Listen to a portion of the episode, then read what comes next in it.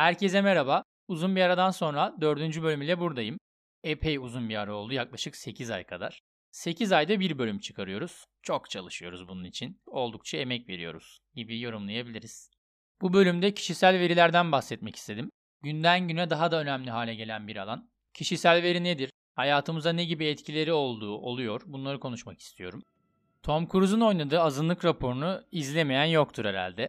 Filmde geleceği görebilen, kahin de diyebileceğimiz bilici insanlar vardı ve bu kişiler gelişen teknolojiyle birlikte suç henüz işlenmeden bunu görebiliyor ve önlenmesini sağlıyordu. Daha doğrusu ön suç bürosu diye bir büro vardı ve suç henüz işlenmeden gelecek görülebildiği için suçu işleyecek kişiler tutuklanıyordu ve böylece olası suçların, cinayetlerin önüne geçilmiş oluyordu. Böyle söyleyince kulağa garip geldiğinin farkındayım. Filmi izlerken oldukça tutarlı gözüküyordu aslında. Sinema işte. Filmin başlarında ön suç bürosunun ara ara reklamları yapılıyordu. İşte bu ön suç bürosu sayesinde artık yakınlarınızı kaybetmeyeceksiniz, cinayetleri durduruyoruz gibi şeylerden bahsediyordu. Bu teknolojiye geçilmiş, bu sistem kabul edilmiş ve bunun reklamı yapılıyordu. İşte artık yakınlarınız ölmeyecek, şu kadar cinayet engellendi, bunun için çalışıyoruz vesaire gibi. Kısacası hayata dair çok temel bir problem çözülmüş oluyordu. Ancak hayata dair bu temel problem çözülürken eldeki veriler ile henüz gerçekleşmemiş bir fiil suç sayıldığı için insanlar suçlu bulunarak hapsediliyordu. Bu sayede de hiç cinayet işlenmemiş oluyordu. Ciddi bir dilenma söz konusuydu aslında filmde. Bir taraftan olası cinayetleri önleme ihtimali, diğer tarafta ise bireylerin iradesi, özgürlüğü ve elbette ki masumiyet karinesi. Böyle bir dilemma üzerine düşünmek için tartışmanın bir tarafında hayatta kalma, diğer tarafında ise kişinin iradesine müdahale edilmesi olması gerekmiyor aslında. Film 2057 yılında geçiyordu ancak şu an daha basit gündelik verilerimizin karşılığında tüketicileri manipüle eden, kişiselleştirilmiş reklamlara maruz kalıyor olabiliriz. Yani aslında azınlık raporundaki gibi bir dilemma ile karşılaşmak için 2057 yılına gitmemiz gerekmiyor. Elbette ki bu bahsettiğim örnekle filmdeki konu birebir örtüşmüyor. Daha basit bir durum bu. Ancak bugün şu anda da kişisel veriler önemli ve bu verilere dayalı işleyen birçok algoritma var. Bu algoritmalar da günlük hayatımızı etki edecek çıktılar üretiyor. Bu bölümde kişisel verileri konuşuyoruz. Somut Olay Podcast başlıyor.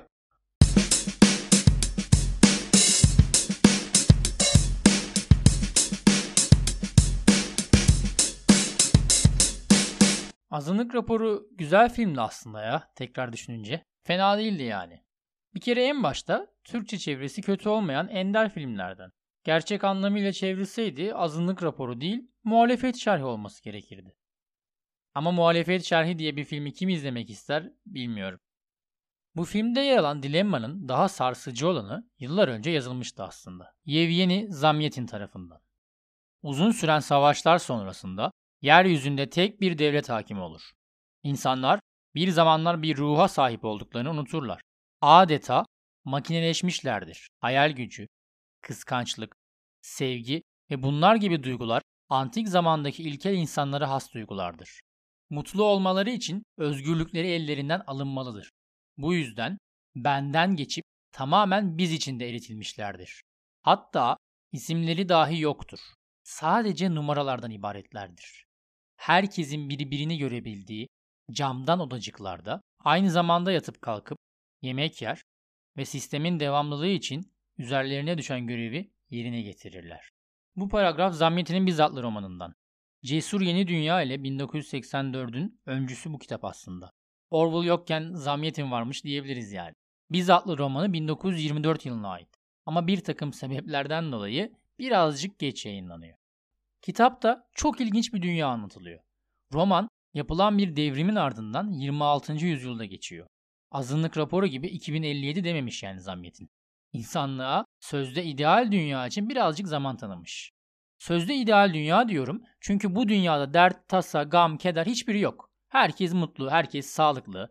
İnsan doğadan ve kendi benliğinden koparılmış, biz haline getirilerek topluma teslim olmuş. Teknolojik ilerlemeler sonucunda insanlık tüm sorunları çözmüş ve daimi mutluluğu sağlayabilmiş. Ancak matematiksel hesaplamalar ile gerçekleştirilmiş tüm bunların hepsi. Haliyle bireylerin kendi hayatlarına dair iradeleri artık yok. Özetle kendi benliğinden koparılmış birey teknolojiye teslim olmuş. Saydam cam duvarlar arasında yaşayan insanların her anı sistem tarafından denetlenmekte. Aslında tüm reel problem çözülmüş ancak bu durumun yarattığı bir sorun var. İnsanların kendi tercihleri elinden alınmış. Her şey hesaplanmış ve herkes mutlu ama aynı zamanda kimsenin de bir iradesi yok, tercihi yok. Hata yok, yanılma yok, üzülmek yok, hiçbiri yok. Kitap ilginç çünkü distopik bir dünyayı derin bir şekilde işliyor.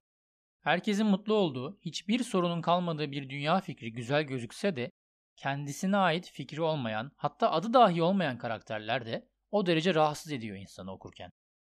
Bu kitaptan bahsetmek istedim çünkü günümüz tüketim toplumları geçmişe nazaran Zamyete'nin distopik dünyası kadar olmasa da oldukça distopik. 15 yıl öncesine kıyasla günümüzde ortalama bir şehir insanının her tarafı uyaranlarla dolu. Kişiselleştirilmiş pazarlamaya maruz kalmayan kimse yok.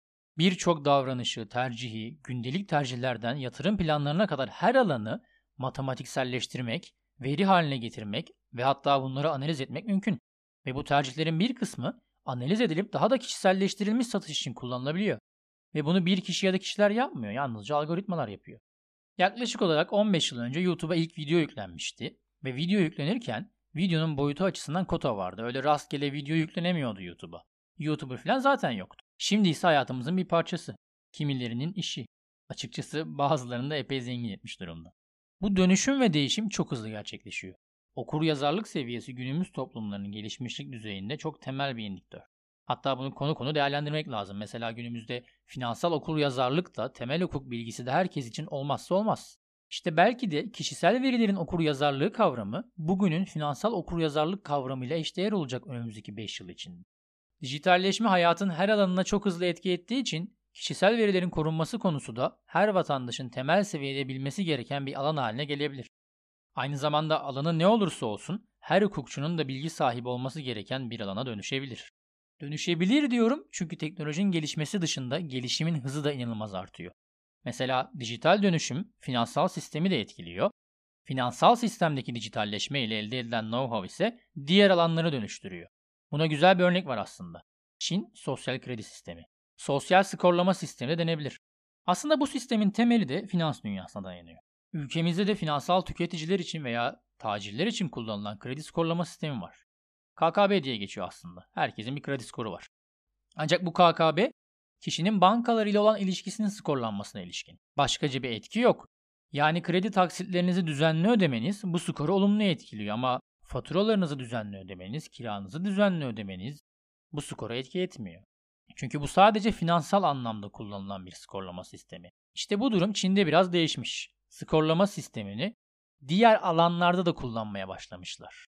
Yani Çin'in skorlama sistemi yalnızca kredi ilişkin değil. Haliyle daha sonra tüm skorlama sistemlerini entegre ettikleri genel bir sosyal skorlama sistemine geçilmiş. Zaten adı da sosyal skorlama sistemi. Yani doğrudan kişinin yaşamını skorlayabiliyorlar. Kırmızı ışıkta geçmek puanını düşürüyor. Başkasının toplu taşıma kartıyla seyahat etmek de puanı düşürüyor. Kan bağışı yapmak ise puanı yükseltiyor. Skorlamaya göre Blacklist uygulamasına maruz kalabiliyorsunuz. Ya da yüksek skorunuz olduğunda bazı avantajlar sunuluyor. İş görüşmelerinden hastanede bekleme sürelerine kadar etki edebiliyor. Bu sistem aslında bir anda hadi herkesi puanlayalım diye ortaya çıkmamış. Tabii ki adım adım ilerlemiş. Öncelikle puanlama metodu farklı sektörlerde kullanılmaya başlanmış, daha sonra ise entegre edilmiş. Ancak işin ilginç yanı bu proje 2007'de ortaya atılıyor ve 2009'da denenmeye başlıyor. Mobese kameraları da bu projede büyük öneme sahip. Çünkü aynı zamanda oradan da takip edilebiliyorsunuz. Statista'ya göre Çin'de toplam aktif Mobese kamera sayısı 600 milyonun üstünde. Özetle kişisel veriler her yerde ve Big Brother uzun süredir bizi izliyordu. Neyse ki Çin'de yaşamıyoruz. Bu podcast'i de Çin'den dinleyen birisi yoktur zaten. Olsaydı da bence bu podcast'i dinlemek sosyal kredi puanını yükseltirdi. yani böyle distopik bir hale gelmişsek ne yapalım kişisel verilerimizi diyebiliriz. Gayet de haklı bir serzeniş olur aslında. Ama Çin'de yaşamıyoruz dedik. Kişisel veriler kanunumuz var. Belki bir işe yarar belli mi olur? İşte tam buraya aslında reklam alınabilir. Erman Toroğlu'nun bir ara reklamları vardı. Bunlar sizi korumaz. Sizi yasa korur. İşte o reklamın tam yeri burası. O halde biraz kişisel verinin ne olduğu, kişisel verilerin korunması hakkında kanun ve haklarımızın neler olduğuna bakalım. Şaşırtıcı olmayan bir şekilde ilk veri koruma kanunu Almanya'da çıkıyor. Tahmin etmem gerekse Almanya derdim zaten. Özellikle vergi mahremiyeti konusunda da inanılmaz başarılı düzenlemeleri var Almanya'nın. Neyse, Avrupa Birliği'ne üye devletleri etkileyen ilk uluslararası sözleşme 1981 yılında kabul ediliyor. Kişisel verilerin otomatik işleme tabi tutulması karşısında şahısların korunmasına dair sözleşme. Yani aslında kişisel verilere ilişkin düzenlemeler Avrupa Birliği için 1981 yılında başlıyor diyebiliriz. Sonrasında Avrupa ülkelerinde ulusal düzlemde mevzuat oluşturulurken Birleşmiş Milletler, Avrupa Konseyi, İktisadi İşbirliği ve Kalkınma Teşkilatı OECD ve Avrupa Birliği kapsamında da çeşitli yönerge, direktif ve uluslararası anlaşmalar hazırlanıyor. Peki Türkiye'de bu süreç nasıl işlemiş?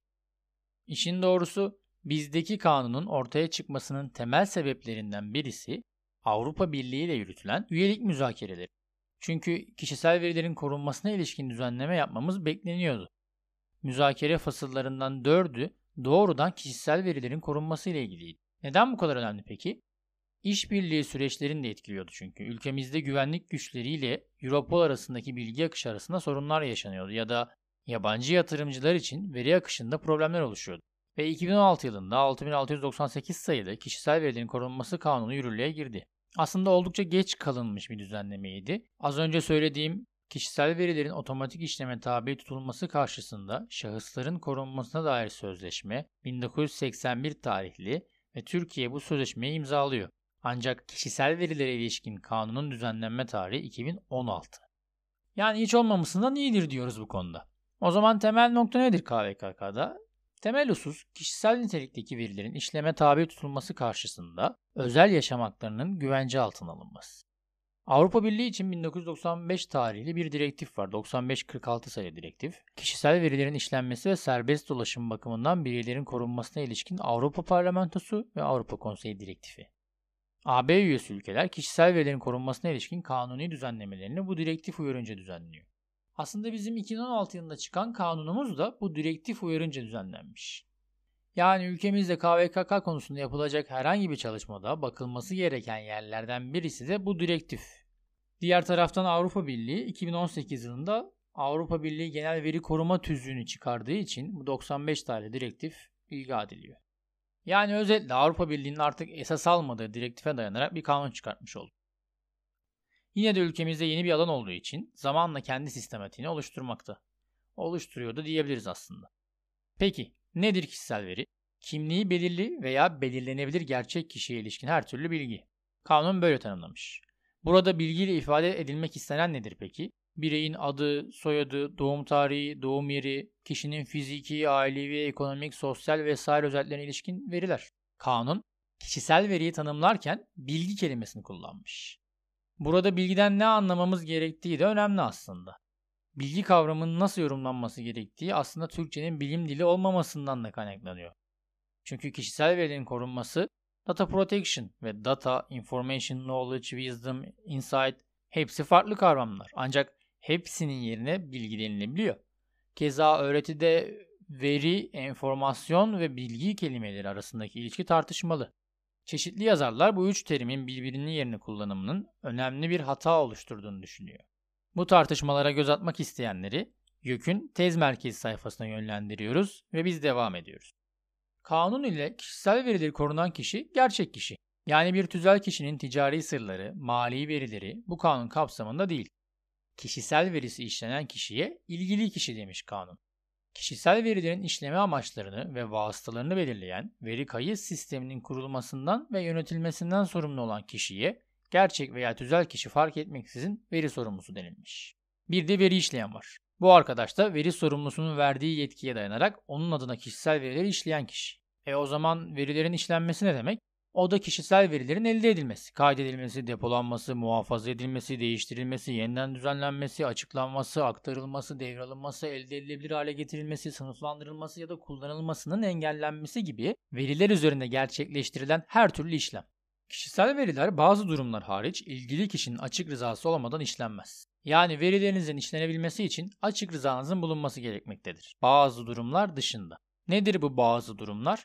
Mesela kanunlarda açıkça öngörülmüş olması. Örnek kolluk kuvvetlerince şüphelilerin parmak izinin alınması.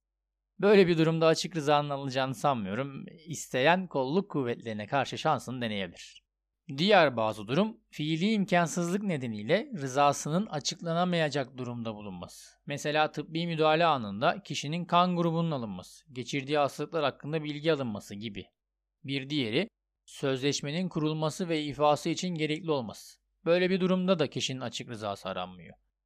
Mesela bir sözleşmenin gereği paranın ödenmesi için alacaklı tarafın hesap numarasının alınması.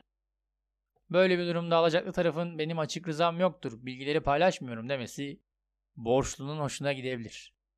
Veri sorumlusunun hukuki yükümlülüğünü yerine getirebilmesi için zorunlu olması. Mesela bir şirketin çalışanına maaş ödeyebilmesi için banka bilgilerini talep etme. Bazı durumlardan devam ediyoruz. Kişisel verilerin ilgili kişi tarafından alenileştirilmiş olması. Bu halde de açık rıza aranmıyor. Artık aleni hale gelmiş zaten. Burada alenileştirmek ne demek diye sorulabilir. Mesela Somut Olay Podcast'in gerçek bir kişi olduğunu varsayalım ve e-posta adresinin de olaysomut.gmail.com olduğunu düşünelim. Ve bu bilgi artık aleni. Haliyle işlenmesi halinde açık rızam yoktu filan diyemez Somut Olay Podcast. Bir diğer bazı durum, kişisel verilerin işlenmesinin bir hakkın tesisi, kullanılması veya korunması için zorunlu olması. Örneğin vasinin veya kayyumun kısıtlının bilgilerini tutması, saklaması. Açık rızanın aranması gerekmeyen son durum ise ilgili kişinin temel hak ve özgürlüklerine zarar vermemek kaydıyla veri sorumlusunun meşru menfaatleri için veri işlenmesinin zorunlu olması. Bu biraz karışık. Madde gerekçesinde bir şirket sahibinin çalışanların temel hak ve özgürlüklerine zarar vermemek kaydıyla onların terfileri, maaş zamları yahut sosyal haklarının düzenlenmesinde esas alınmak üzere çalışanların kişisel verilerini işleyebilmesinden bahsedilmiş. Veri sorumlusunun meşru menfaatinin ne olduğu konusunun belirlenmesi ise biraz problemli bir durum. Geri kalan durumlarda ilgili kişinin açık rızasının varlığı şart. Bir de özel nitelikli kişisel veriler var. Bu veriler daha özel ve bu özellik karşısında da daha çok korunuyorlar. Kişilerin ırkı, etnik kökeni, siyasi düşüncesi, felsefi inancı, dini, mezhebi veya diğer inançları, kılık ve kıyafeti, dernek, vakıf veya sendika üyeliği, sağlığı, cinsel hayatı, ceza mahkumiyeti ve güvenlik tedbirleriyle ilgili verileriyle biyometrik ve genetik verileri özel nitelikli kişisel veriler. Özel nitelikli kişisel verilerin ilgilinin açık rızası olmaksızın işlenmesi yasak. Sağlık veya cinsel hayat dışındaki kişisel veriler kanunlarda öngörülen hallerde ilgili kişinin açık rızası aranmaksızın işlenebiliyor. Tabi burada kanunlarda öngörülen hallerin hangileri olduğuna bakmak gerekiyor. Sağlık ve cinsel hayata ilişkin kişisel veriler ise ancak kamu sağlığının korunması, belki pandemi burada örnek verilebilir, koruyucu hekimlik, tıbbi teşhis, tedavi ve bakım hizmetlerinin yürütülmesi, sağlık hizmetleriyle finansmanının planlanması ve yönetimi amacıyla sır saklama yükümlülüğü altında bulunan kişiler veya yetkili kurum ve kuruluşlar tarafından ilgilinin açık rızası aranmaksızın işlenebiliyor. Onun dışında ilgilinin açık rızası olmaksızın işlenmesi yasak. Tabi kanunda bazı hak ve yükümlülükler düzenlenmiş. Mesela veri sorumlusunun aydınlatma yükümlülüğü var. Kişisel verilerin elde edilmesi sırasında veri sorumlusu veya yetkilendirdiği kişi ilgili kişilere bilgi vermekle yükümlü. Örneğin ziyaret ettiğiniz bir web sitesinde size yeterli bilgiler verilmeli. Şayet verileriniz işleniyorsa kişisel verilerinizin hangi amaçla işleneceği belirtilmeli. Bu tüm veri sorumluları için bir zorunluluk ve yerine getirilmemesi idari para cezasına bağlanmış durumda. İnternet ortamı için en çok çerezler hakkında gündeme gelmiştir bu husus. Siteye girildiği an itibariyle çerezler çalışmaya başladığı için ve aydınlatma yükümlülüğü veriler işlenmeye başlanmadan önce veya en geç işlemeye başlanması anında yerine getirilmesi zorunlu olan bir sorumluluk olduğundan çerezler konusunda ziyaretçiye ne zaman bilgi verilmeliydi? İşte çerezlere ilişkin aydınlatmanın ziyaretçinin siteye ilk ziyaret anında verilmesi gerektiği için sürekli o pop-up'lar çıkıyor. Hepimizin sürekli maruz kaldığı şey zaten. Artık dinleyen herkes hayatına ne için çerezler konusunda pop-up çıktığına ilişkin bu bilgiyle devam edebilir. Ancak bu bilgi ne işinize yarar ben de bilmiyorum. Ha ama şu bilgi içinize yarayabilir. İlgili kişinin de bazı hakları var. İlgili kişi olmanın en keyifli yeri bence burası. Veri sorumlusuna başvurabiliyor ilgili kişi. Hangi konularda başvurabiliyor? Kişisel verilerinin işlenip işlenmediğini öğrenme. Kişisel verileri işlenmişse buna ilişkin bilgi talep etme. Kişisel verilerin işlenme amacını ve bunların amacına uygun kullanılıp kullanılmadığını öğrenme. Yurt içinde veya yurt dışında kişisel verilerin aktarıldığı üçüncü kişileri bilme. Kişisel verilerin eksik veya yanlış işlenmiş olması halinde bunların düzeltilmesini isteme. Kişisel verilerinin silinmesini veya yok edilmesini isteme kişisel verilerinin aktarıldığı üçüncü kişilere bildirilmesini isteme. İşte bu gibi taleplerle ilgili kişi veri sorumlusuna başvurabilir. Usulüne uygun bir şekilde veri sorumlularından bu bilgilerin hepsi talep edilebilir. Veya kişisel verilerin kanuna aykırı olarak işlenmesi sebebiyle zarara uğranması halinde zararın giderilmesi talep edilebilir. İlgili kişi bu haklara sahip. Bu nedenle verilerinizi işleyen herhangi bir gerçek veya tüzel kişiye bu kapsamda başvuru yapabilirsiniz. Başvuru elbette yazılı olmak zorunda. Veri sorumlusu başvuruda yer alan talepleri talebin niteliğine göre en kısa sürede ve en geç 30 gün içinde ücretsiz olarak sonuçlandırmak zorunda.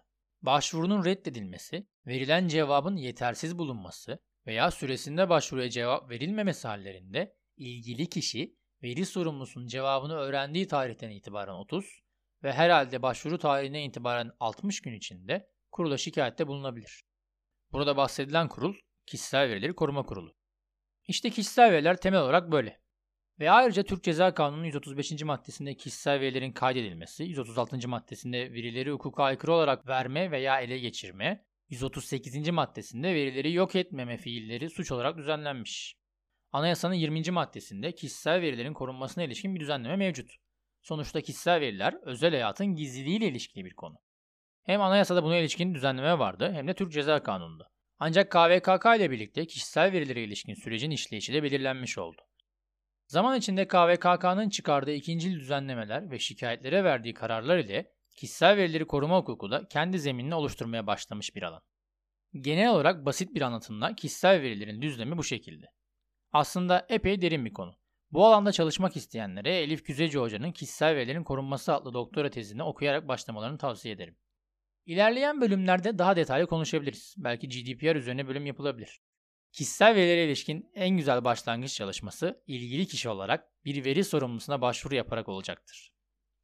Verilerinize ne olmuş, kime gitmiş, nerede şu an ya bu veriler diye bir sormak lazım. Bir sonraki bölümde görüşmek üzere.